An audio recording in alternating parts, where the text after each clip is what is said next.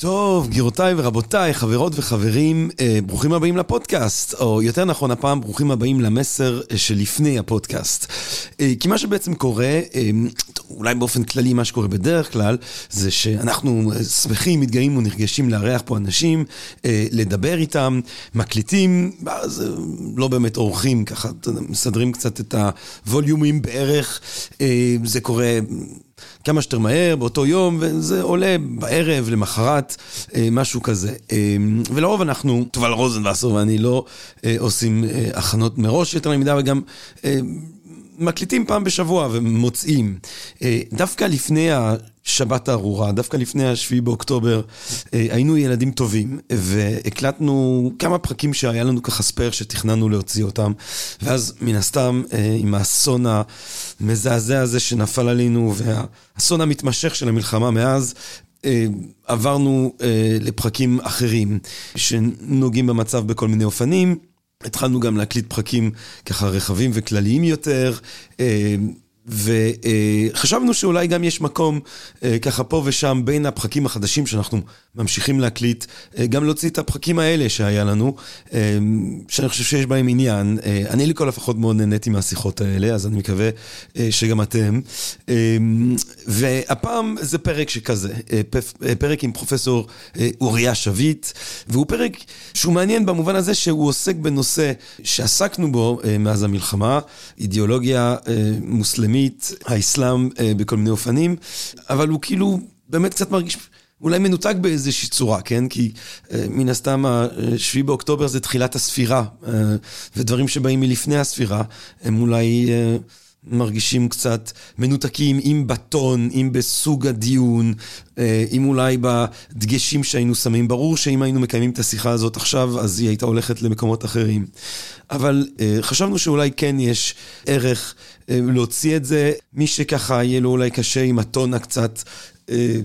קדם שביעי באוקטובר, אז אל תדאגו, בעוד כמה ימים יש פרקים חדשים. ואני דווקא חושב שה... טיפול בשאלה של חיים ושריעה, כן, שזה בעצם הפרק, הוא אה, טיפול מעניין, אה, ואולי דווקא אה, יש כאן הזדמנות לחשוב על הנושא הזה במנותק, כן, עד כמה שאפשר, ממה שקורה כאן ועכשיו, כי דווקא אולי הניתוק הזה יאפשר לנו לחזור לחשוב על הכאן ועכשיו בצורה יותר מורכבת. אני באופן כללי, אני חייב להגיד, חושב הרבה בזמן האחרון על חשיבה מורכבת ועל מורכבות, על זה שאנחנו בתרבות של קליק בייטים ובתרבות של עמידות, של אמירות חדות, אמירות סלוגניות באיזושהי צורה, וחשיבה סלוגנית. והמציאות היא מורכבת. המציאות היא מורכבת בצורה כמעט אינסופית, יש להניח, כן? ויכול להיות שתמיד כדאי לראות את הדברים מכמה נקודות זווית. ותמיד כדאי לחשוב על עוד נקודת זווית. אני חושב על זה גם בהקשר של, אה, בדיוק דיברתי עם מישהו השבוע ודיברנו על איך שהרבה מהגאונים הגדולים, שחלקם אני מאוד מעריך ואפילו מעריץ, סיגמונד פרויד הגדול, מקס, קרל מקס, כן, אהוב, אה, יש להם באמת נטייה לחשוב בצורה מאוד מאוד ממוקדת על נקודת המבט שלהם, כן? פרויד תמיד יחפש את הקרקע האינסטינקטיבית, את הדחף, את המיניות, כן? פרויד תמיד ילך למקומות האלה בניתוח שלו את המציאות. ואולי לפעמים זה קצת מעוור אותו על מרכיבים אחרים של הנפש האנושית uh, והתרבות האנושית בכלל. מרקס תמיד ילך לקרקע מבחינתו החומרית, כן? לאמצעי הייצור, לאופן שבו אנשים מצליחים בסופו של דבר אה, לדאוג לצרכים שלהם, אה, והוא יראה בזה את מה שמניע אה, את הכל. ואז יש קומות עליוניות של אידיאולוגיה ושל אה, אה, דת ושל תרבות ושל משפט ושל... וכולי וכולי וכולי. אבל תמיד הוא ילך לכיוון הזה. עכשיו, כמו שאתם יודעים, אני, אני קצת צרוד היום, אז אני לא אצעק, אבל אני אוהב לצעוק כשמקס צדק. אה, כי אני באמת חושב שהנקודת מבט הזאת היא תמיד מעניינת. היא תמיד מעניינת. תמיד מעניין לראות אה, איך הכסף זז, ואיך בעצם המציאות, המציאות החומרית מתחת לאיזשהי סוג של תופעה תרבותית מניעה את הדברים. אבל אני גם חושב שכדאי לחשוב דרך המבט של פרויד, ואני גם חושב אה, שכדאי לחשוב דרך המבט של ובר, ושכדאי לחשוב דרך עוד נקודות מבט, ושהמציאות מכילה את כל נקודות המבט האלה דווקא בגלל שהמציאות היא נורא מורכבת. ושהרבה דברים שונים יכולים להיות צודקים באותו הזמן. אה, למה אני אומר את כל זה? כי באמת, הנה לנו שיחה. שהיא לכאורה, היא אולי לא קשורה לסיטואציה במובן הזה שהיא הוקלטה לפני ואנחנו לא מדברים עליה, אבל היא משקפת עוד רובד סביב שאלות שאנחנו כן צריכים לחשוב עליהן, על מה זה אסלאם ומה זה תרבות מוסלמית ומה זה שריעה, ואיך אנחנו בעצם מייצרים מציאות בהינתן שאנחנו חיים כאן במזרח התיכון, שבה היחס שלנו, אם זה ההלכה שלנו ואם זה שאלות פנימיות בתוך החברה היהודית הישראלית, אם זה שאלות פנימיות בתוך החברה הישראלית, גם יהודית וגם מוסלמית, אם זה שאלות שלנו באזור שלנו, אני חושב שזה מוסיף עוד נקודת מבט, וזה בעיניי תמיד מבורך. אז כך או כך, אני מקווה מאוד שמי שיבחר להאזין לפרק ייהנה ממנו, מי שמעדיף לחכות לפרקים שככה יש בהם גם מבחינה טונאלית וגם מבחינת מה שהאורחים אומרים, כי מן הסתם הנושא, גם אם אנחנו מדברים על פילוסופיה סינית, או אם נדבר על כל מיני נושאים אחרים בהמשך, אי אפשר באמת להתעלם ממה שכולנו עוברים עכשיו, אז כדי שלא יהיה מוזר, היה לי חשוב להגיד שזה מה שקורה בפרק. זה לא התעלמות, זה פשוט פרק שהוקלט לפני, ואני מקווה שאתם נהנים ממנו, ואני מקווה שאתם כמה שיותר בטוב, ואנחנו מאוד נהנים לקבל את כל ההודעות ואת כל המשובים, ושוב, אם יש לכם רעיונות או רצונות או דברים שאתם רוצים שנדבר עליהם, אז לכתוב לי או לכתוב לתובל, והנה הפרק. פודקאסט, פודקאסט. פודקאסט.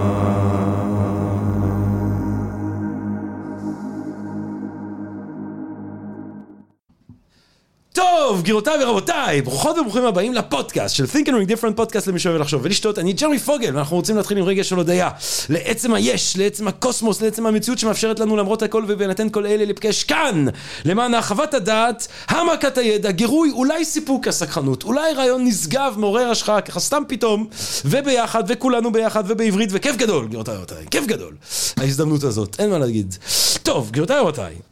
אנחנו היום רוצים לדבר על ההלכה והחיים, וההלכה לא רק היהודית, אולי אפילו בעיקר לא היהודית, על השריעה, הלכה מוסלמית, ואני חשבתי על הביטוי הזה, יש משהו יפה בביטוי הזה הלכה, שאומנם לצערי לא משתקף יתר על המיגה באופן שבו תופסים אותה באורתודוקסיה הישראלית העכשווית, שקושר אותו לחיים, כי איך אמר הרקליטס פנטרי, הכל זורם, החיים הם זרימה, אנחנו תמיד בתנועה, כן?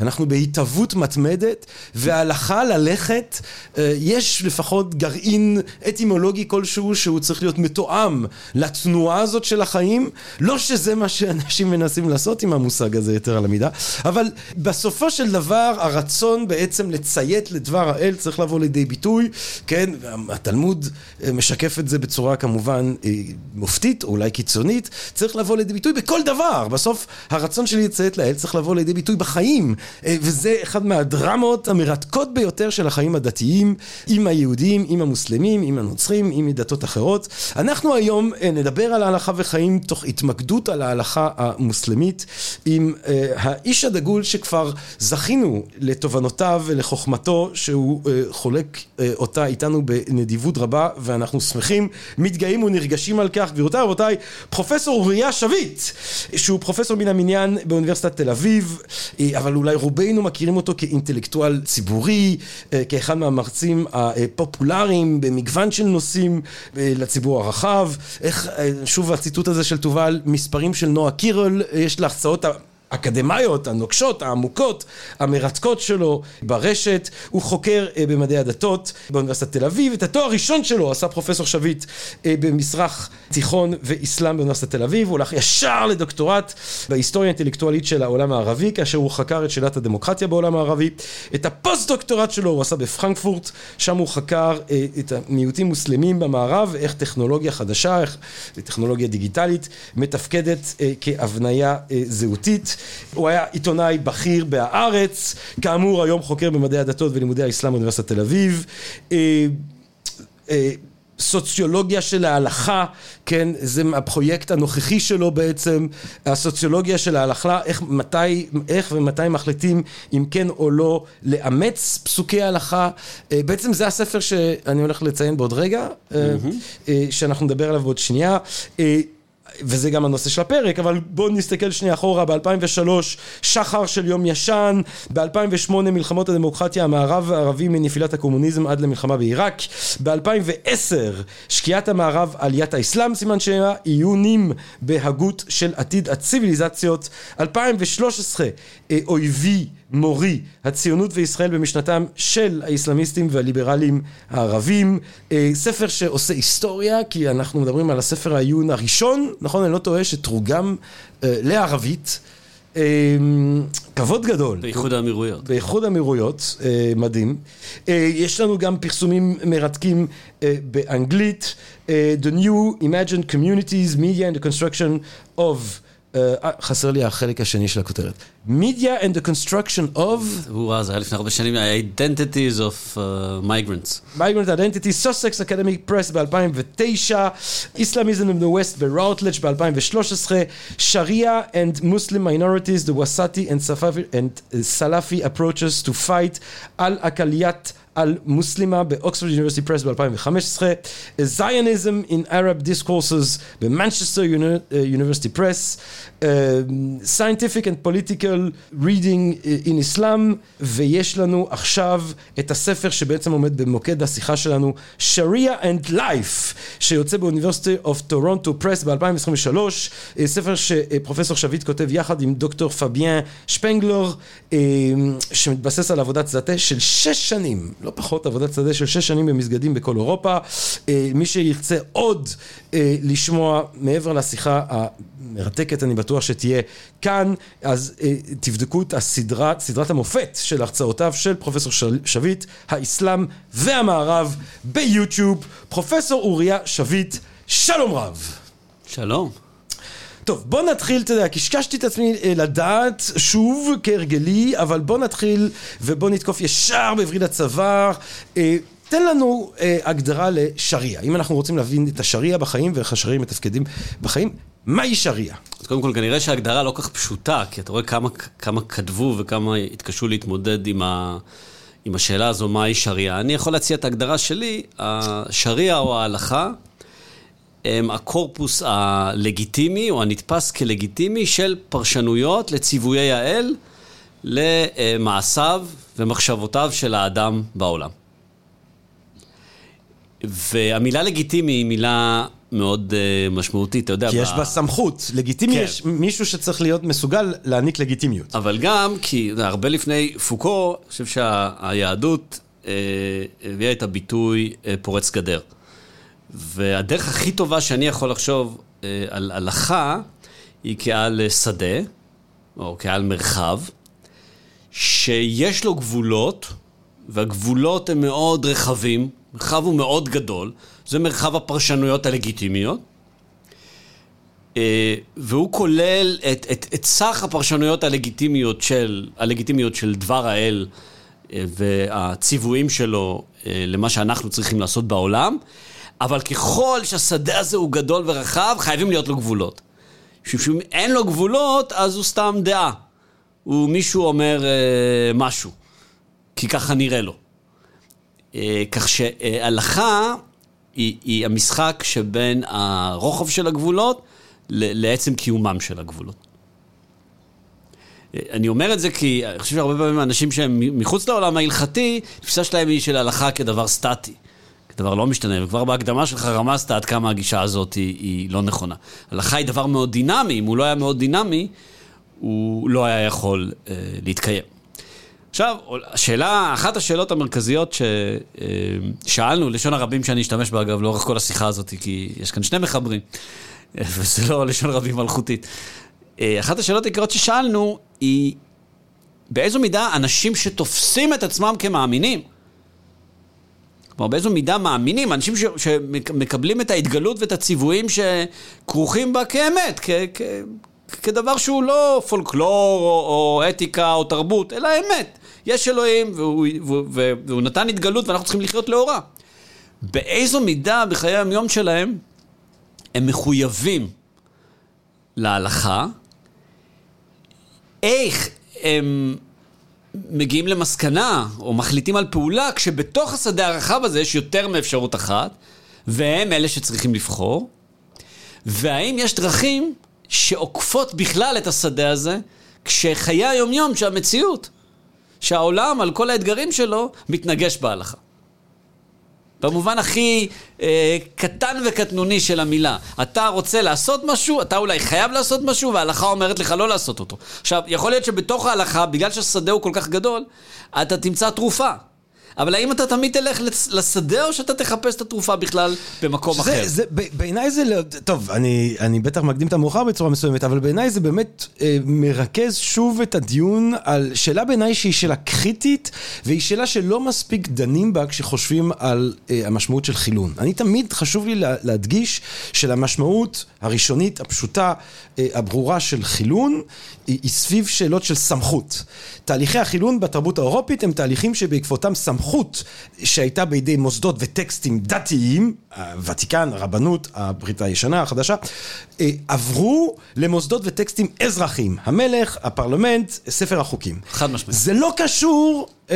לעמדה אה, אה, אמונית, זאת אומרת, אה, אני יכול להיות אתאיסט או לא אתאיסט, זה לא, אה, יש חפיפה מסוימת, אבל זה לא חפיפה אה, מלאה או הכרחית, כן, גדולי החילונים של המאה ה-18, שלא לדבר על המאה ה-17, אה, אה, שפינוזה, שכל חייו הם מוקדשים לאמונה מסוימת באלוהים, או וולטר שמדבר מצד אחד על לדרוס את התועבה כשהוא מדבר על הכנסייה, זאת אומרת לדרוס את הסמכות הדתית, ואומר אלוהים אני לא נוצרי אבל זה רק כדי לאהוב אותך יותר. השאלה היא תמיד למי המילה האחרונה. למי המילה האחרונה? זאת אומרת, אז אני אומר, הבן, אותו אדם שחווה את עצמו כדתי, זאת אומרת, אדם שהוא לא חילוני, זאת אומרת, לא אדם שרואה את עצמו ככפוף רק למוסדות האזרחים, אלא אדם שרואה את עצמו ככפוף לאיזשהי סוג של היררכיה דתית.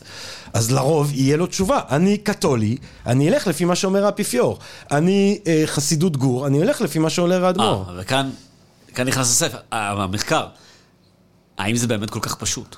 או. כלומר, האם האדם, אתה רוצה שנדבר על מוסלמים או על יהודים? נדבר על מוסלמים כי... יאללה, בוא נתחיל משם. זה המחקר. האם האדם שתופס אה, את עצמו כמוסלמי, האם הוא חי את כל חייו בהתאם לאופן שהוא מבין את ההלכה? והתשובה היא, אגב, בפשטות לא.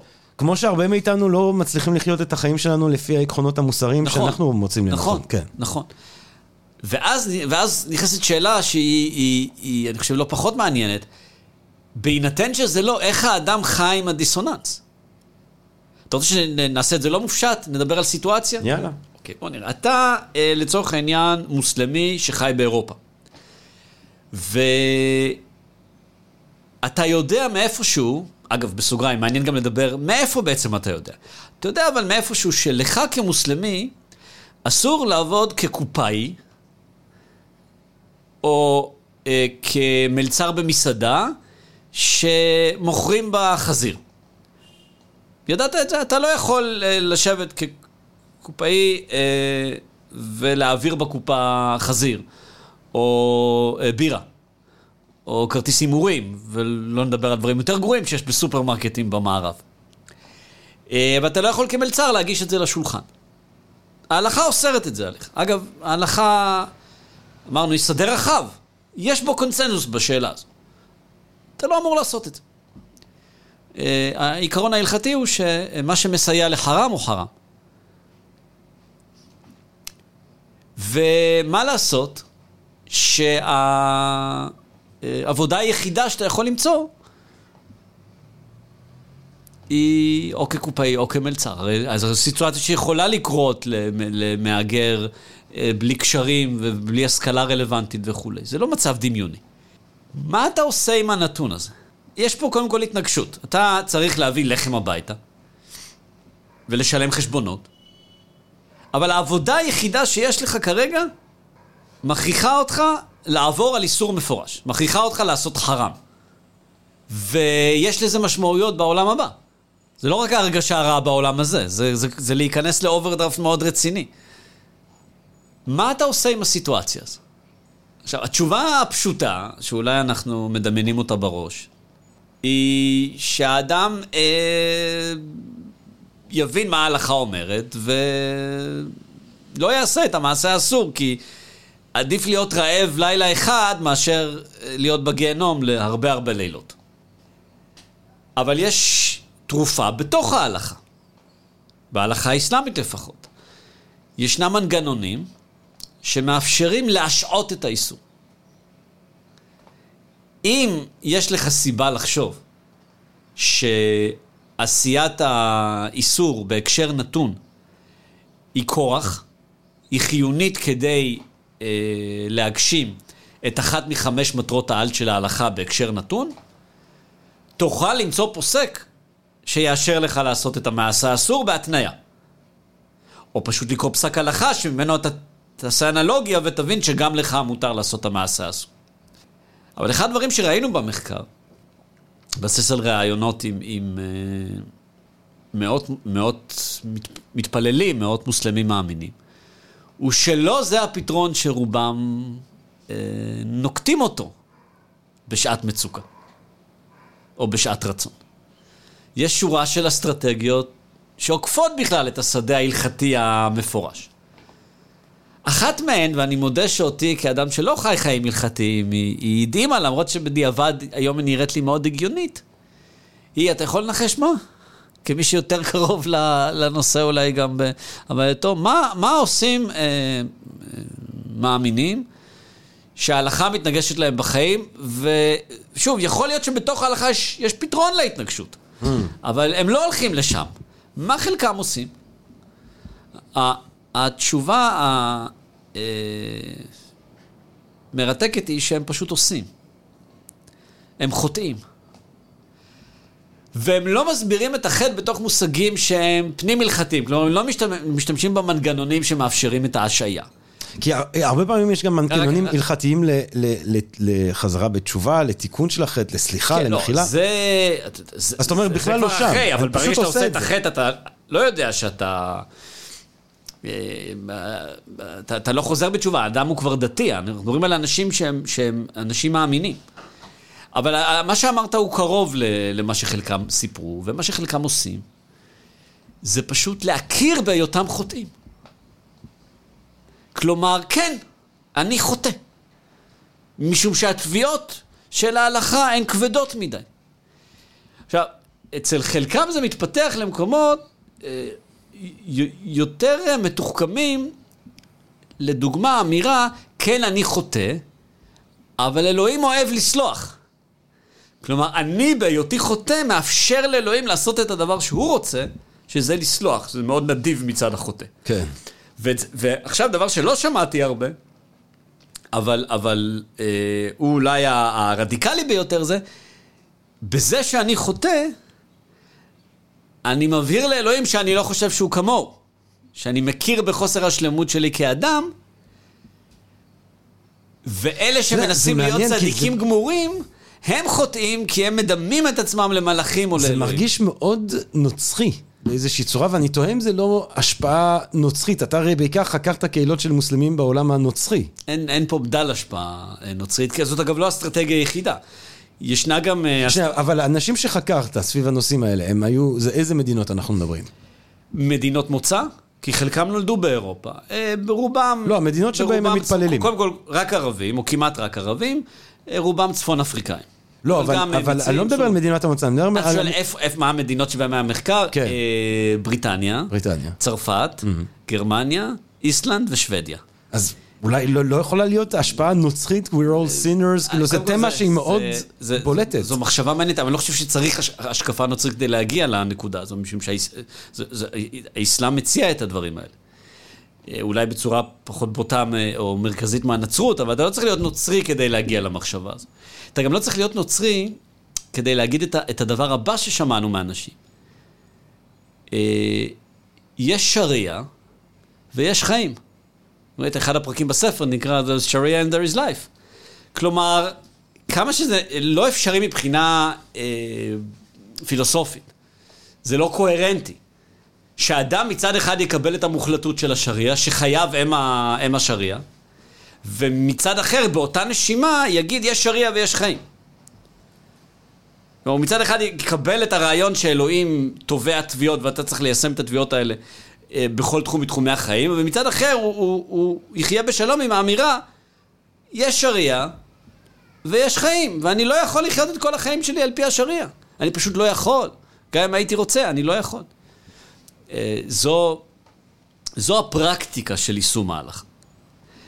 ואני חושב שהיא אומרת לנו הרבה על מה אנחנו לא מבינים, או מה חילונים לא מבינים על אנשים אה, דתיים, ולא מבינים גם, אתה יודע, אם פותחים עיתון לפעמים באירופה, הרושם הוא של, של התנגשויות אינסופיות בין אה, מיעוט מוסלמי דתי לרוב נוצרי חילוני.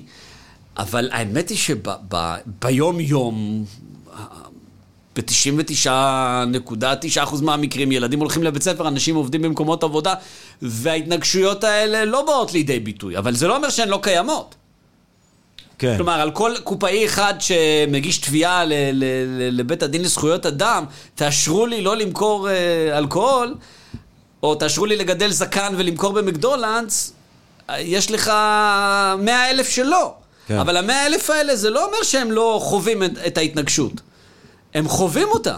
מתמודדים איתה אחרת. הם פשוט מתמודדים איתה, בלי שזה מגיע לידי עימות. עכשיו, חלקם מתמודדים איתה, חלק הקטן על, על פי המחקר שלנו, חלקם מתמודדים איתה על ידי זה שהם מוצאים פתרונות בתוך ההלכה. כלומר, הם מקבלים היתר מפוסק הלכה, שמסביר להם למה מטעמי כורח, מטעמי הכרח, מותר להם לעבור באופן נקודתי על האיסור, אבל רובם לא מגיעים לשם.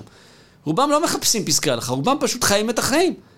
והם הם, הם, הם, מתפשרים עם ההלכה בלי תיווך של פוסק הלכה. זאת אומרת, אם אני שומע ממך, אה, פרופסור שביט, אני שומע בעצם ברמה הראשונית אה, שלוש טקטיקות שאיתן אה, אנשים שרואים את עצמם מחויבים לשריעה או להלכה, מתמודדים עם זה שהחיים בעצם מובילים אותם לסיטואציות שבהן כמעט בלתי אפשרי עבורם למען התקיימותם הממשית לא לחטוא. אז קודם כל, או זה לחפש איזשהו היתר הלכתי בתוך השדה, או זה לחטוא, ואז גם אפשר להוסיף, להצדיק את החטא מאיזשהי סוג של עניין תיאולוגי, אלוהים אוהב לסלוח, אני מדגיש את זה שאני שברירי אל מול שלמותו, או זה איזושהי תפיסה שככה קצת מנתקת את ה... אה, אתה יודע, כמו שאומרים פעם, הכנסייה זה ביום ראשון, כן. ושאר השבוע אני עושה... כן, יש עוד אסטרטגיות, ולכן הייתי טיפה אה, מדייק את זה ואומר שאסטרטגיה אחת היא פשוט לעשות מה שההלכה אומרת. הרי גם זו אופציה. כן. ואסטרטגיה שנייה... לא, אמרתי מראש לכאלה שלא עומדים באפשרות. אז לאלה שלא עומדים, יש גם, יש, לא, רק לעשות את זה... אה, מסודר. מסודר, אומר, יש אסטרטגיה אחת פשוט לעשות מה שההלכה אומרת. ואסטרטגיה שנייה אה, היא לחפש בתוך ההלכה את הדרך לעבור על ההלכה. כמובן במרכאות לעבור, כי אם זה מתוך ההלכה, זה לא לעבור על ההלכה. נכון. והדרך השלישית היא לעבור על ההלכה אה, מחוץ להלכה. ואחת האפשרויות היא באמת להגיד, אני פשוט חוטא. אני מכיר בזה שאני חוטא, אני מכיר בזה שאולי אני אענש, אבל אני מכיר גם בזה שאלוהים אוהב לסלוח. מה עם חזרה בשאלה? מה, מה, כמה, כמה מהאנשים ש, שחווים את הקונפליקטים האלה, בסופו של דבר מגיעים למצב שהם אומרים, אתה יודע מה? עכשיו שאני, גם ככה אני חי ככה, גם ככה אני... אתה יודע, כי זה שאתה אומר החיים והשריעה, ברגע שאתה מתחיל להבדיל אותם, אני מתחיל כבר צעד ראשון שמוביל אולי בסופו של דבר למצב שאתה אומר, בסדר, זה, אולי זה לא כזה תקף כמו שחשבתי. קח בחשבון נקודה שהיא קריטית, המחקר כולו נעשה במסגדים. כל האנשים שראיינו הם אנשים מאמינים, עם הטיה למאמינים הנוקשים ביותר. זאת אומרת, אלה שמפסיקים לבוא, אתה לא ראיינת. לא, ויותר מזה, חלק לא קטן מהמרואיינים שייכים לנטורי קרתא של האסלאם. ובתוך כל הקבוצות האלה לא תמצא אנשים שלא חוטאים. לא תמצא אנשים שחיים במאה אחוז על פי ההלכה. לא תמצא. עכשיו, גם מעניין, אה, הדבר הזה של ההיתר, אני רוצה שנייה להתמקד בו. כי נדמה לי שחלק ממה ש... אה, חלקים מהפונדמנטליסטים היהודים אה, רוצים שהציבור הרחב יחשוב זה שהלכה זה באמת דבר שאי אפשר לגעת בו ואי אפשר לשנות בו ואכן אין כל כך מקום לפשרה כי אין, לא, אין, אי אפשר ומה שאנחנו בעצם למדים כשאנשים כמוך שחוקרים את הנושא הזה זה שאיפה שיש רצון יש דרך. אה, בוודאי. שאפשר תמיד בעצם לחוקק, לתת היתרים. אני חושב למשל אגב, על העניין הזה של... רגע, רגע, אבל יש פה תיקון חשוב כי הוא נוגע גם למציאות הישראלית. המילה רצון היא לא המילה הנכונה פה. אתה יודע, קודם כל, ההלכה מאוד גמישה. זה נכון לגבי ההלכה היהודית, זה נכון לדעתי אפילו יותר לגבי ההלכה האסלאמית. יש לי מאמר על אה, אה, הלכה וכדורגל, שאני חושב שהשורה התחתונה והמעניינת בו היא שה, שההלכה התגלתה כהרבה יותר גמישה מפיפ"א. כלומר, בכל פעם שהייתה התנגשות, אז התברר שאת החוקים של פיפ"א יותר קשה לשנות. אבל למה המילה רצון היא מילה קצת מטעה? משום ששימי לב למילה שהשתמשתי בה קודם. כשיש כורח. כלומר, את, אתה, זה שבא לך לעבוד כקופאי, לא ייתן לך היתר הלכתי. אבל זה שאין לך ברירה אלא לעבוד כקופאי, אני- כן ייתן. תן לי ולכן, אפשר להגיד שהגמישות של ההלכה, במקרה האירופי למשל, היא פונקציה של הלחץ שמפעילה המדינה. אם המדינה לא מפעילה לחץ, אין סיבה להגמיש את ההלכה. אני אזרוק לך את הדוגמה שרציתי להגיע אליה, וזה אה, עלייה להר הבית. אנחנו יודעים הרי שיש כאילו, אה, מבחינה הלכתית, אנחנו מתחילים מנקודת אה, מוצא שרוב האנשים מקבלים את הפסיקה שאין לעלות אה, להר הבית, כי אי אפשר לדעת איפה קודש הקודשים, ואי אפשר ללכת לקודש הקודשים וכו' וכו' וכו', ואנחנו רואים שמתוקף ה- נקרא לזה רצון, כן, המוטיבציה העזה לעלות להר הבית ולהראות שם אה, אה, בעלות ולקדם את המקדש השלישי וכולי, אז כן ההלכה אה, follows suit, ופתאום יש פתחונות כן. הלכתיים לעלות להר כן, הבית. כן. אז במובן הזה זה לא כורח, זה רצון. רוצים, ל... אתה לא חייב לעלות להר הבית, אתה לא חייב לעשות את זה למחייתך. אה, כן. זאת אומרת, אני, אני אומר, הרצון מאפשר את השינוי של ההלכה.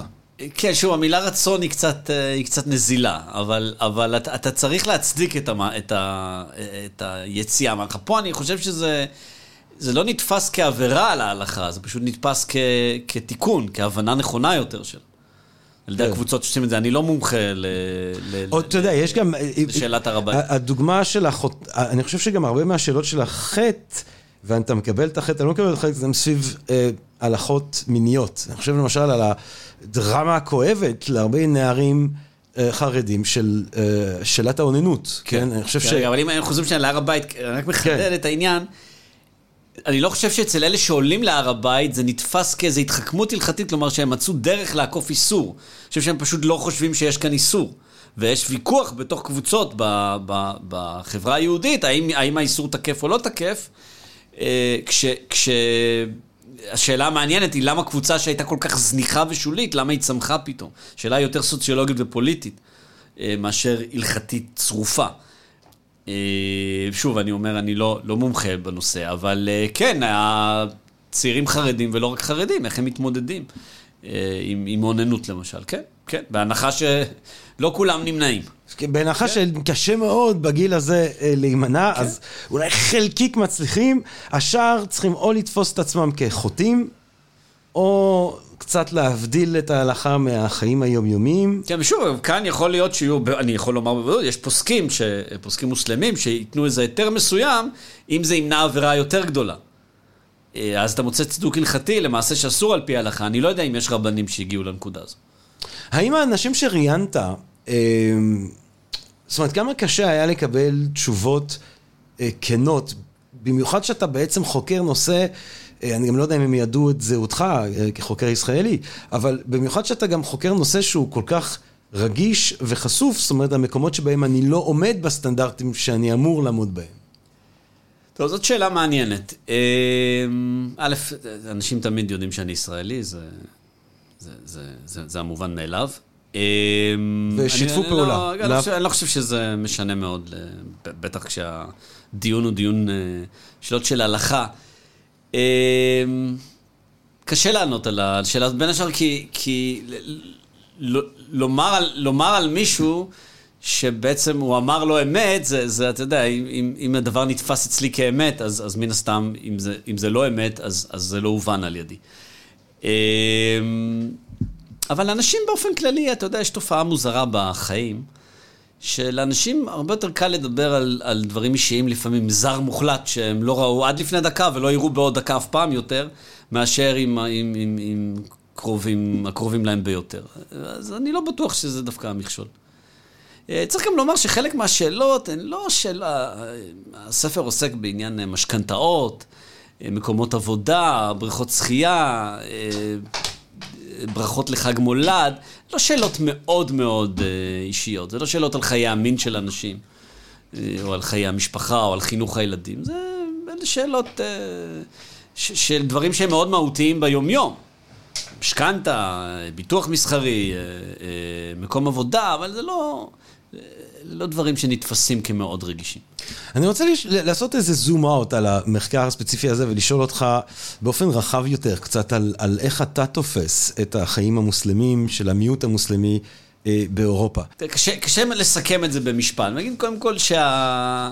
ה' הידיעה, אולי הדבר המשמעותי ביותר שלמדתי, זה שאין מקום לה' הידיעה. כלומר, אין האסלאם באירופה, אין המוסלמים באירופה.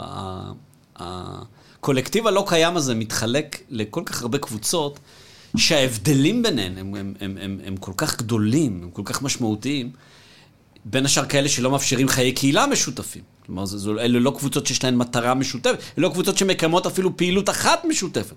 אפילו לא הגדרה של חברה, לא רק אה, לא קהילה. אה, אז זה האסלאם היום. יש הרבה סוגים של מוסלמים באירופה. אה, שמבטאים את הדתיות שלהם, אם הם מבטאים אותה בכלל, בצורות שונות. אמ, מאחר שהרבה מהעבודה שעשיתי הייתה במסגדים הרדיקליים, אמ, אני, אתה יודע, במובן מסוים, זה, זה עוד לימד אותי על הדרכים שבהם גם אנשים שם, התפיסה שלהם היא מאוד רדיקלית, מתפשרים בחיי היומיום. כלומר, שבין האידאה לבין היומיום יש פער. אבל צריך גם לומר שזה, זה, תראה, זה עולם, אני מאוד אסיר תודה על ההזדמנות שהייתה לי לראות אותו, זה עולם שהוא, ש, שגם רוב האירופאים לא, לא מכירים אותו. נכון. אה, זה עולם שלם ש... ש... ש... די זר למי שלא נמצא בתוכו. כמו אגב שגם העולם החרדי בארץ, והרבה עולמות אחרים הם עולמות שמי שמחוץ להם לא מכיר אותם. תן לי לשאול אותך את זה בצורה גסה. כן. האם אתה אה, שותף, או האם אתה חולק על ההנחה הדי רווחת ככה בצורה פשטנית בישראל, שהאסלאם משתלט על אירופה? או, או דיבור שכמובן אתה גם שומע מכל מיני קבוצות ימין אה, כזאת, כאלה כן, ואחרים באירופה עצמה. צריך קודם כל לדעת מאיפה היא מגיעה, כי, כי יש לזה משמעות. אה, יש פער מאוד גדול בין אירופה שחווים תיירים ועיתונאים, לבין אירופה. רובנו נוסעים לאירופה לאן? לפריז, ללונדון, לפרנקפורט, לברלין. אבל יש, אבל יש עוד אירופה, כמו שאומרים על ארה"ב, הדבר הזה בין ניו יורק ללוס אנג'לס, שחיים בו הרפובליקאים, הוא קיים. הרבה לא רואים אותו, ואז מופתעים, מאלף או מבית, אבל הוא קיים. אז אה, אה, מספרית זה, זה לא שם. מספרית זה לא שם. אבל גם פוליטית, אה, אין לך פוליטיקה אסלאמית באירופה. אין לך פוליטיקה אסלאמית באירופה. ואני בספק גם אם תהיה בשנים הקרובות. אה, כך שלא, אני לא רואה אסלאם משתלט על אירופה, אבל אני חושב שלא לא צריך להקל ראש בכל מיני תופעות, כולל בתופעות של אה, רדיקליזציה אלימה, אין לא, אין לא משהו שמישהו המציא. אה, אה, בסוף, אתה יודע, יש, יש עניין ש, ש, שיש תקופה של רגיעה, של שקט, שוכחים מתופעה, אבל, אבל דאעש זה לא דבר שבא משום מקום והלך לשום מקום. אל-קאעידה זה לא דבר שבא משום מקום והלך לשום מקום. הציבור הרחב יודע יותר על מתקפות טרור שהצליחו. אבל הוא לא יודע על מאות מתקפות טרור שסוכלו במשך תקופה ארוכה, ושחלק גדול מהמבצעים המיועדים שלהם היו אנשים שהם לא הפרופיל שאתה אולי חושב עליו. כן. הם היו אה, אדם שנולד על אדמת אירופה, ושלא חווה איזו חוויה מיוחדת של הדרה או אפליה או כל דבר אחר. אמ, כלומר, אני חושב שהדיון הוא דיון מאוד לא מאוזן, במובן זה שאו שמציגים בכלל את עצם הדיון ברדיקליזציה האלימה כאוריינטליזם וכימניות קיצונית וכולי, או שהולכים לכיוון האחר, כשמישהו בא ו- ומציג את המציאות כפי שהיא. אה, של חיי יומיום שבסך הכל, ברוב הגדול של המקרים, מוצאים את דרך הקיום המשותף. אז, אז מיד אומרים שהוא עיוור ו- וכולי. לא, האמת, מה לעשות שהאמת היא מורכבת? לא תמיד, אבל לפעמים האמת היא מורכבת. מה, מה אתה לומד, אה, זאת אומרת, אתה מגיע כחוקר ישראלי, יהודי, אה, למז... כן, אגב, לא תופס את זה ככה, אני מגיע כחוקר. כן, אבל אין, אין ספק, ש... ויהודי, אין אבל ספק זה שאתה לא מגיע ה- עם הבנה, זאת אומרת, כשאתה חושב על שריעה, אתה, אתה מתרגם בראש הלכה, אתה לא מתרגם במונח שחוקר לא, יפני היה לא, מתרגם. אם אני אעשה את זה, אני אעשה עבודה לא טובה. כשאני חושב על שריעה, אני חושב על שריעה. אתה חושב על שריעה. כן. אבל, אבל, אה, אה, כן, אתה לא חושב שבכל זאת יש משקל כלשהו למטען התרבותי, האינטלקטואלי, הייחודי שאיתו אתה ניגש למחקר? תמיד יש, אבל השאלה היא אם אתה מודע למשקל הזה, ואם אתה פועל לנטרל אה, אותו. לנטרל אותו, או שאתה מבקש להעצים אותו ולהפוך אותו לחזות הכל. אני, אני משתדל, בכל סוגיה שאני חוקר, להגיע אליה ב- בלב פתוח. עכשיו, האם הלב הפתוח הוא לב אה, פתוח לגמרי? לא. אבל יש הבדל בין, לס... בין לפחות לנסות לעשות את המאמץ הזה, אה, לבין, לבין להגדיל, להחליט מראש שהמאמץ הזה הוא, הוא מאמץ חסר טעם. אז אתה מגיע לאותם מסגדים כחוקר ישראלי-יהודי, אבל עם לב פתוח ושמודע להטיות של זהותו ומנסה טוב, לנטרל אותם. שאנשים שמדברים, גם חשוב לי גם להגיד את זה, כי יש איזו יש איזו נטייה ישראלית לחשוב שיש עולם, ואנחנו במרכז שלו, והעולם כולו מסתובב סביבנו. כן. אתה צריך להבין שאדם, שבא מישהו ושואל אותו על משכנתאות, לא מאוד דחוף לו כרגע אם הוא ישראלי, לא, אני לא או- שואל- אני לא שואל מבחינת או המתח הזה. ארגנטינאי או צ'כי. השאלה הייתה בעצם, אמ, איך המחקר, איך דרך המחקר הזה, אתה, כשאתה חוזר לכאן, ואתה חושב על סוגיות יהודיות, ואתה חושב על אה, זהות הלכתית בישראל, איך, ה- איך התוב... איזה סוג של תובנות ב, ב, בשנים האלה שאתה חוקר את אותם המסגדים, מזינות את החשיבה שלך ואת ההבנה הביקורתית שלך, אה, תופעות דומות או מקבילות כאן בארץ, בקרב הציבור היהודי. אתה יודע מה, כדי לברוח לרגע מהשדה הפוליטי האקטואלי, אני אגיד לך משהו שהוא דווקא אה, הולך ל, אה, יותר נוגע למחקר היהדות. אה, אחד הדברים שלמדנו במחקר הזה, פביאן ואני, זה שהמקום של ההלכה בחיי היום-יום של המאמינים שאיתם שוחחנו, הוא מאוד מאוד מוגבל. לא במובן של ההלכה עצמה דווקא, אלא של פס הייצור ההלכתי. הדיאלקטיקה של לשלוח שאלה ולקבל תשובה הלכתית, ואז לקבל אותה ולחיות על פיה, זה היוצא מן הכלל מאוד. הפרקטיקה של לחפש באינטרנט שאלה הלכתית, ואז ללמוד אותה ולחיות על פיה, או אולי אפילו לשנות משהו שחשבת לעשות בגללה, זה הנדיר מאוד. אנשים הם מאמינים ומקבלים את ההלכה, ושדה הייצור ההלכתי מאוד רחוק מהם. וזה זה העלה אצלי שאלה די מביכה על, על לימודי אסלאם ועל לימודי יהדות כאחד, משום שהרבה ממה שאנחנו יודעים על חברות יהודיות, נאמר, לפני אלף שנה, או לפני חמש מאות שנה, אבל גם על חברות מוסלמיות, אנחנו יודעים מתוך הספרות ההלכתית. כי ההלכה היא הרי הלכת חיים. היא עוסקת בחיים, אז אם אני רוצה ללמוד על הסוציולוגיה אה, של הימים שבהם לאנשים לא היו בלוגים ואנשים פשוטים במרכאות לא כתבו יומנים, למה אני הולך? בין השאר לפסיקת הלכה, מה איזה אוצר גדול יותר אפשר להעלות על הדעת כדי ללמוד על החיים של פעם? או ללמוד איך היו החיים פעם. אבל אני שואל את עצמי, באיזו מידה לפני 600 שנה הסוציולוגיה של ההלכה הייתה שונה. כלומר, בוא נחשוב רגע על, על, על לפני 600-700 שנה. אדם מוצא עצמו בהתנגשות בין ההלכה לחיים, כמו אלו שחקרנו ב... במאה ה-21. האם בהכרח הוא שלח שאלה ל- לרב? הרי כדי שזה יקרה, צריכים להיות המון דברים. השאלה צריכה להיות ממש ממש חשובה, כי זה לא כמו היום שאתה כן. נכנס לאינטרנט. הנגישות של, ה, של התשובות היום היא כמעט היא- מיידית. היא מיידית, אבל אז זה לא היה ככה, היית צריך לש, לשלוח את השאלה. אני אומר, מבחינת מה שנשאר לנו כתוב. אם נשאר לנו משהו כתוב, זה אומר שמישהו שלח שאלה. זה מישהו ענה תשובה. אז המישהו ששלח היה צריך להיות קודם כל אה, יודע קרוא וכתוב, או נגיש למישהו שיודע קרוא וכתוב. היה, היה צריך להיות לו את המשאבים לשלוח את השאלה. עכשיו, השאלה הייתה צריכה להיות שאלה חשובה. לא תטריח את עצמך ואת את, את, את הסמכות הרבנית או את, ה, את המופתי בשביל שאלה לא חשובה.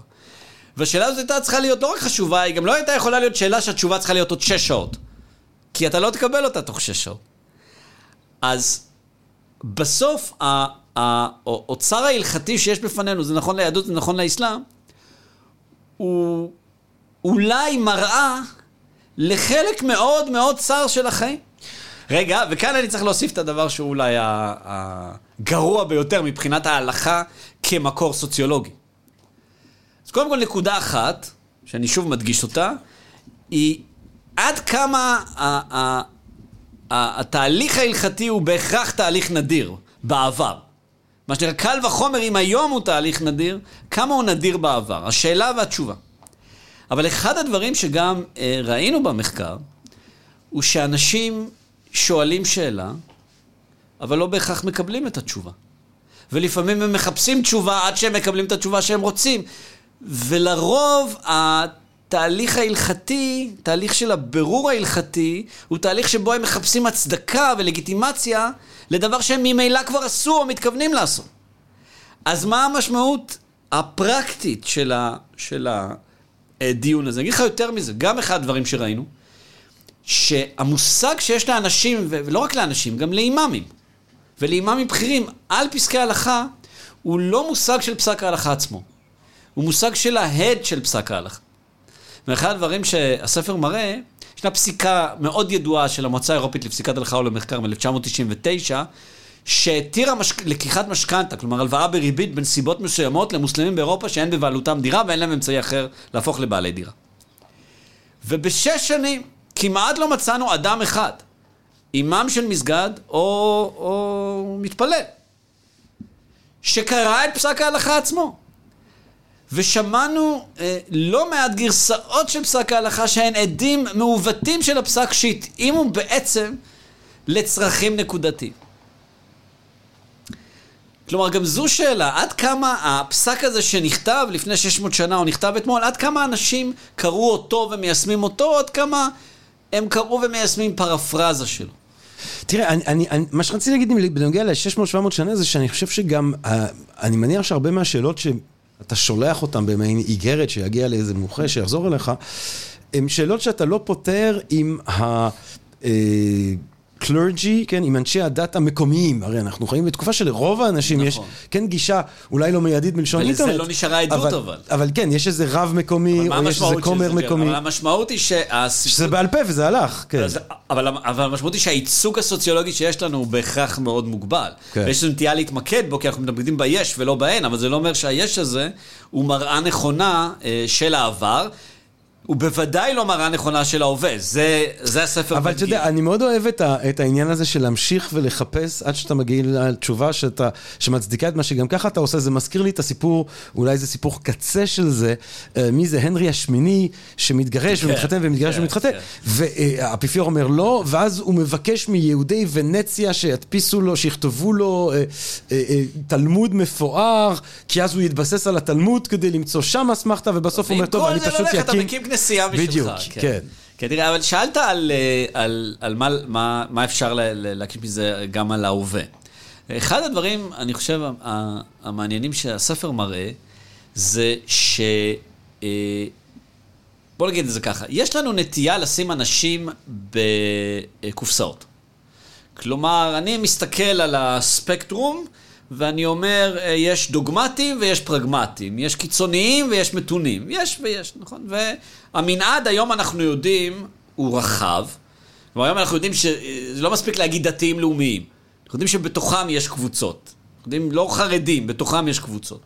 יש, אנחנו יודעים, לא, חילונים הם לא כולם אותו דבר, יש חילונים מאמינים וחילונים אתאיסטים. מנעד הוא רחב, אבל הנטייה שלנו היא לחשוב על המנעד הזה כמנעד אה, מוצק. כלומר, יש בסוף, כן, דוגמטיים ויש פרגמטיים על המנעד. אחד הדברים שהספר מראה, הוא שאנשים גולשים בין הקטגוריות. כלומר, שאדם יכול להיות, אה, אה, לנקוט או לאמץ תפיסה הלכתית פרגמטית בסוגיה מסוימת, ותפיסה הלכתית דוגמטית בסוגיה אחרת. וכשאתה מגדיר אותו דוגמטי או פרגמטי, אתה מחמיץ את, ה, את, את מנעד ההתנהגויות הממשיות שלו, לא את המנעד המשוער. עכשיו, בית, הדבר הבא שאני הולך להגיד בטח לא יפתיע לא אותך ולא את המאזינים. אנשים נוטים להיות יותר דוגמטיים כשהשאלה לא נוגעת בהם. Hmm. ויותר פרגמטיים כשהשאלה כן נוגעת. מרתק. כן, כלומר, אתה עומד מול בחור צעיר, שמסביר לך מאוד באריכות מדוע פסק ההלכה שמתיר לקחת משכנתאות הוא פסק הלכה שגוי. ברמה תאורטית שגוי. וכעבור חצי שעה הוא מסביר לך מדוע הלוואת הסטודנט שהוא לקח היא מעשה מותר מבחינה הלכתית, ולמה הוא חי איתה טוב. עכשיו, בלי להעלות יותר מדי אותך ואת המאזינים, ההנמקה ההלכתית להלוואת סטודנט היא בעצם אותה הנמקה כמו ללקיחת משכנתה. אם מחפשים את ההנמקה בהלכה. זה גמל שקצת לא רואה את דבשתו, כלומר לא מבין כמה זה אבסורד, כמה זה מופרך, לא לקבל את האחד, כי מה לעשות שבגיל 23 אנשים פחות מוטרדים ממשכנתה, אה, וכן לקבל את האחר, כי מה לעשות שבגיל 23 אנשים מאוד מוטרדים מהלוואות סטודנט. אלה החיים עצמם. שריעה אין לייף. האמריקאים הנוצרים שמתנגדים חריפות אה, להפלות עד שזה מגיע לחיים שלהם או לבני משפחתם, זה גם אה, תופעה שכזו. אבל שם זה כבר אולי יותר צפיות, פה עוד איכשהו אתה יכול להגיד... אפשר להגיד שזה, ש, שהחיים יותר מורכבים, תראה, אפשר להגיד את זה בשתי אפשר להגיד שהחיים יותר מורכבים מההפשטות או מהמסגרות התיאורטיות שמנסות להסדיר אותם.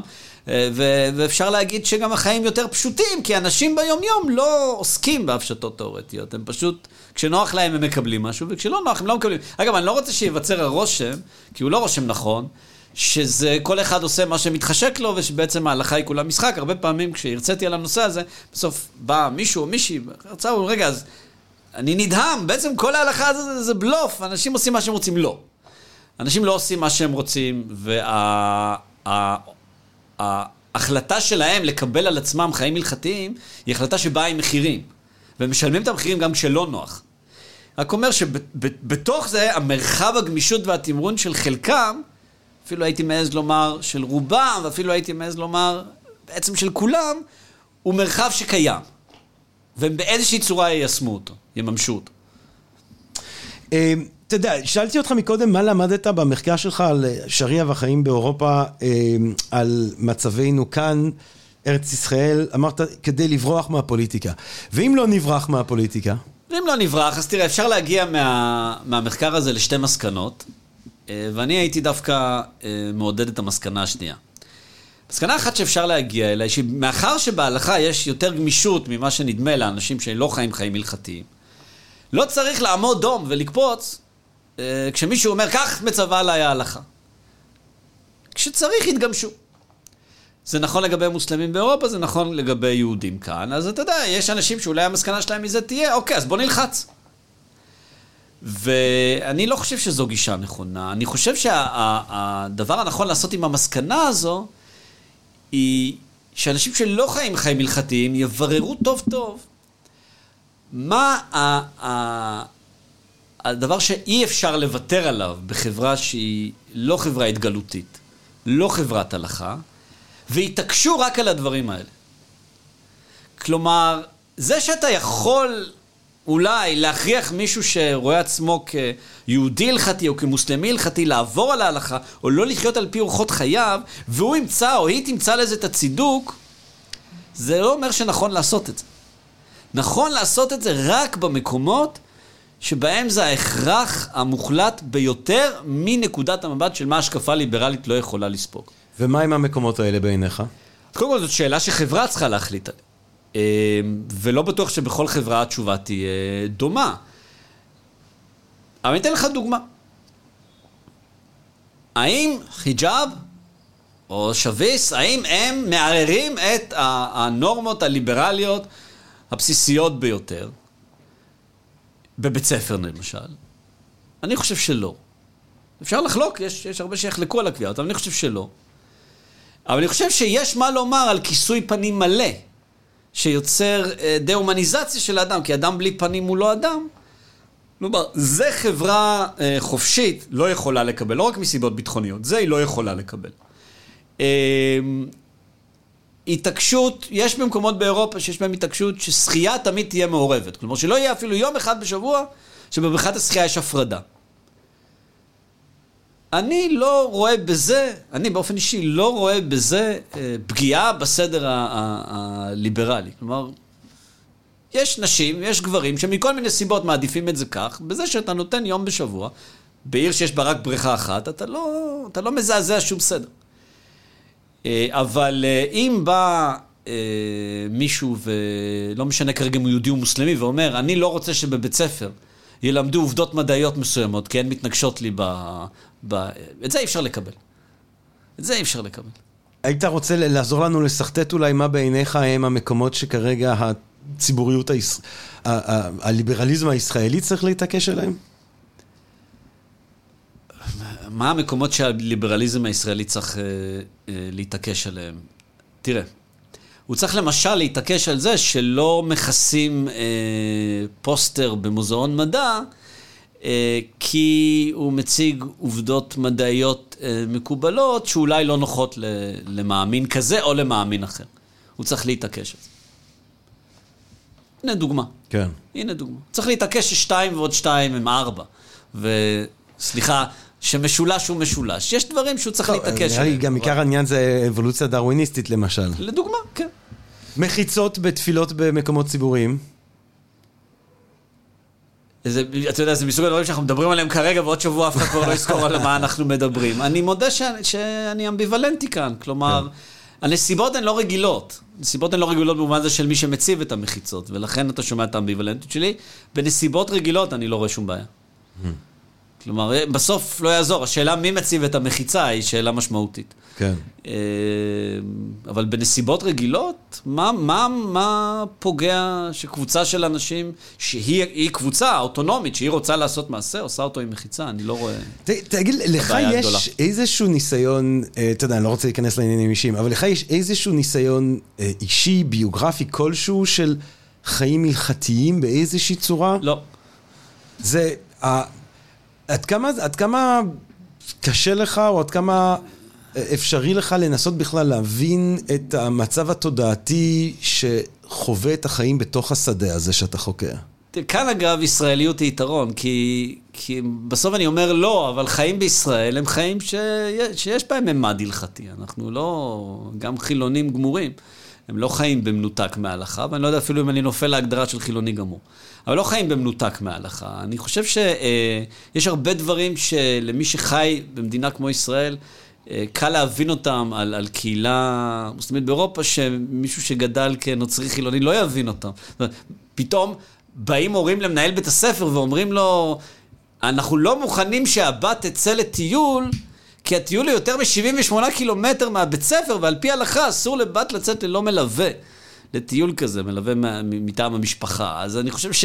לא חושב, כעובדה, אתה בא עם זה למישהו שגדל בחברה אה, מחולנת בעצם, הוא פשוט לא מבין מאיפה זה נפל עליו. אני חושב שישראלים, אה, זה נופל עליהם בצורה יותר טבעית. כן. הסוג הזה של האתגר. תראה, אמרנו ש, אה, שכל הזמן שואלים אותך על צבע ועל סיפורים וזה, ו, והיה לנו שיחה ככה תיאורטית, אז אני מרגיש ככה שלקראת סיום אני יכול לשאול אותך על איזשהו מפגש ככה, אה, שהוא היה מפתיע במיוחד, או לא צפוי במיוחד, אה, במפגשים המרתקים האלה שקיימת במסגדים בכל אירופה. אם אתה שואל אותי כזה ברמת הרגע הזכור ביותר, יאללה. בסוף, אתה יודע במה שום דבר לא יכול להתחרות. ב-12 בלילה אה, באיסלנד ברמדאן, 12 בלילה זה עדיין צום. אה, כן, כן, זה אנשים אה, שנתקעים בקנדה או באיסלנד ויש להם צומים של 22 כן, שעות. כן, אבל גם, גם בשאלה הזו, האם אתה צריך לצום 22 שעות במדינה כמו איסלנד, אה, גם כאן יש מחלוקת הלכתית. גם כאן ההלכה מציעה פתרונות, ויש כאלה שהולכים עם הפתרון המקל. ויש שהולכים עם הפתרון, ה... אם לא עם הפתרון, הולכים עם המציאות הנוקשה, ויש שאתה צריך לצום מעלות השחר עד שקיעת השמש, אבל, אבל כרגע, לא כדיון אה, אנליטי, כן. לשבת במסגד ב-12 בלילה, כשהשמש, הכדור הכתום הענק, יורד בתוך הים ברגע אחד, ולראות אנשים שהם אנשים עובדים, אה, בעבודות פיזיות, לראות אותם אחרי 22 שעות יושבים ליד שולחן אוכל ש... ריח אה, אה, מרק העדשים אה, ככה עולה מהמטבח, ובקבוקי הפנטה, שמשום מה מאוד פופולרית במסגדים, זה אולי דורש איזה יום מחקר בפני עצמו. בקבוקי הפנטה מונחים על השולחן, ואנשים יושבים בידיים משולבות אחרי 22 שעות, ג'רמי. ומגיעה השנייה המדויקת, ואז הם מתחילים לאכול, ויש להם שעתיים. כי עוד שעתיים הצום מתחיל עוד פעם. וככה חודש. זה, הנה, אתה שאני זוכר את הרגע הזה כן. כאילו היה אתמול. איך- איך- איך אנשים נראו?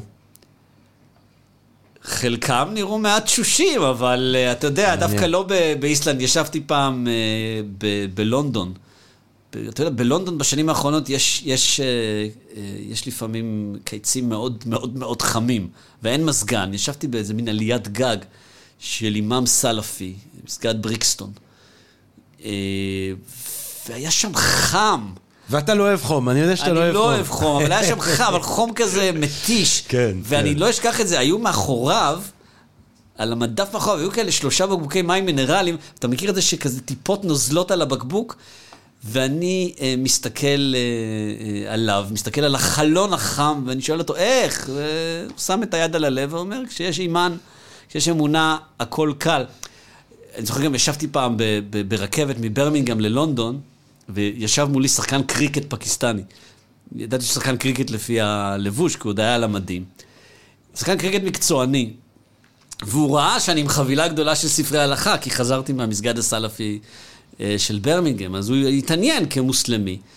ושאלתי אותו, איזה מהפסיקות הוא, הוא, הוא מאמץ? כי יש, יש פסיקות שמותר לספורטאים מקצוענים לשבור את הצום ביום של כן. משחק, כי כן, זו הפרנסה שלהם. זה כן. כורח.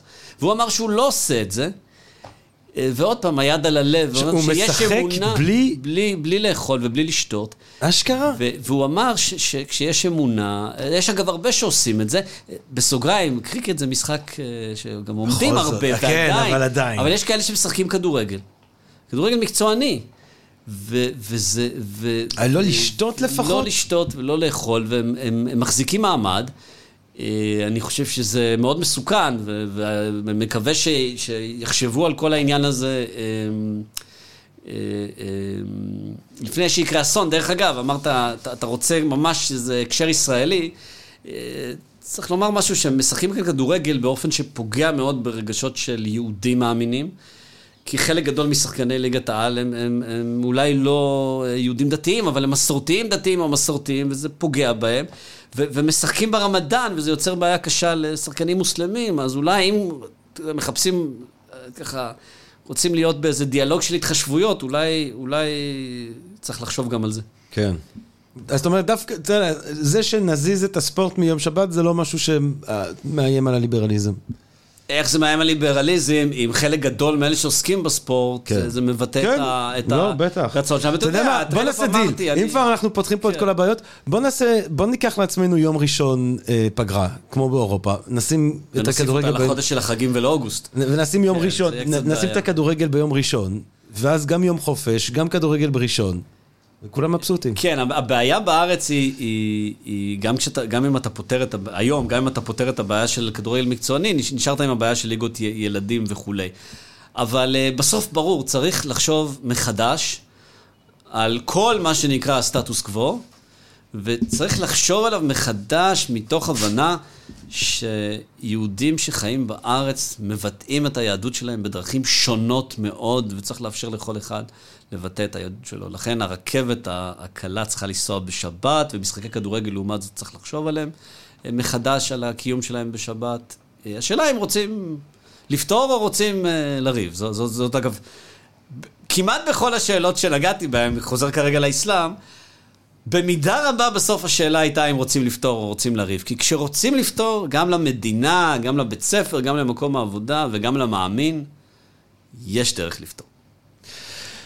פרופסור אוריה שביט, תודה רבה רבה רבה לך. הספר הוא Sharia and Life, שיוצא ככה בימים אלה ממש. אה, הוא יצא ממש לא מזמן ב University of Toronto Press, יחד עם דוקטור פביאן שפנגלר. אה, כאמור מבוסס על עבודת שדה מרתקת של שש שנים במסגדים באירופה. אני מודה לך מאוד שבאת אלינו אה, שוב, ועל הנדיבות שאיתה אתה חולק אית- איתנו את התובנות שלך, את המחקר שלך, את אה, חוכמתך. תודה רבה לך, פרופסור שביט. העונג היה שלי. אה, ותודה רבה לכם, לקהל הקדוש שלנו, הקהל, לקהל הקדוש שלנו כאן בפודקאסט של Think and Ring Different. מקווה מאוד שנהנתם מהפרק הזה. אה, מהפרקים שכבר הקלטנו, מאלה שבעזרת השם נמשיך ונקליט, ומה להגיד לכם בינתיים? בואו נישאר עם הנימה האופטימית הזאת, כן? אם יש... אה, רצון, או אפילו פה זה לא רצון, כמו שאתה אומר, זה הכרח. יש פה הכרח שנפתור את החיים המשותפים שלנו, אה, גם בתוך השדה הרחב הזה, כמו שפרופסור שביט הסביר לנו עכשיו בצורה כל כך מלומדת. אה, יש איך לעשות את זה, בואו נמצא את הפתרונות. אה, די לריב כל הזמן, סתם, החיים קצרים, רק בריאות, רק אהבה רבה, ונשתמע. פודקאסט, פודקאסט, פודקאסט.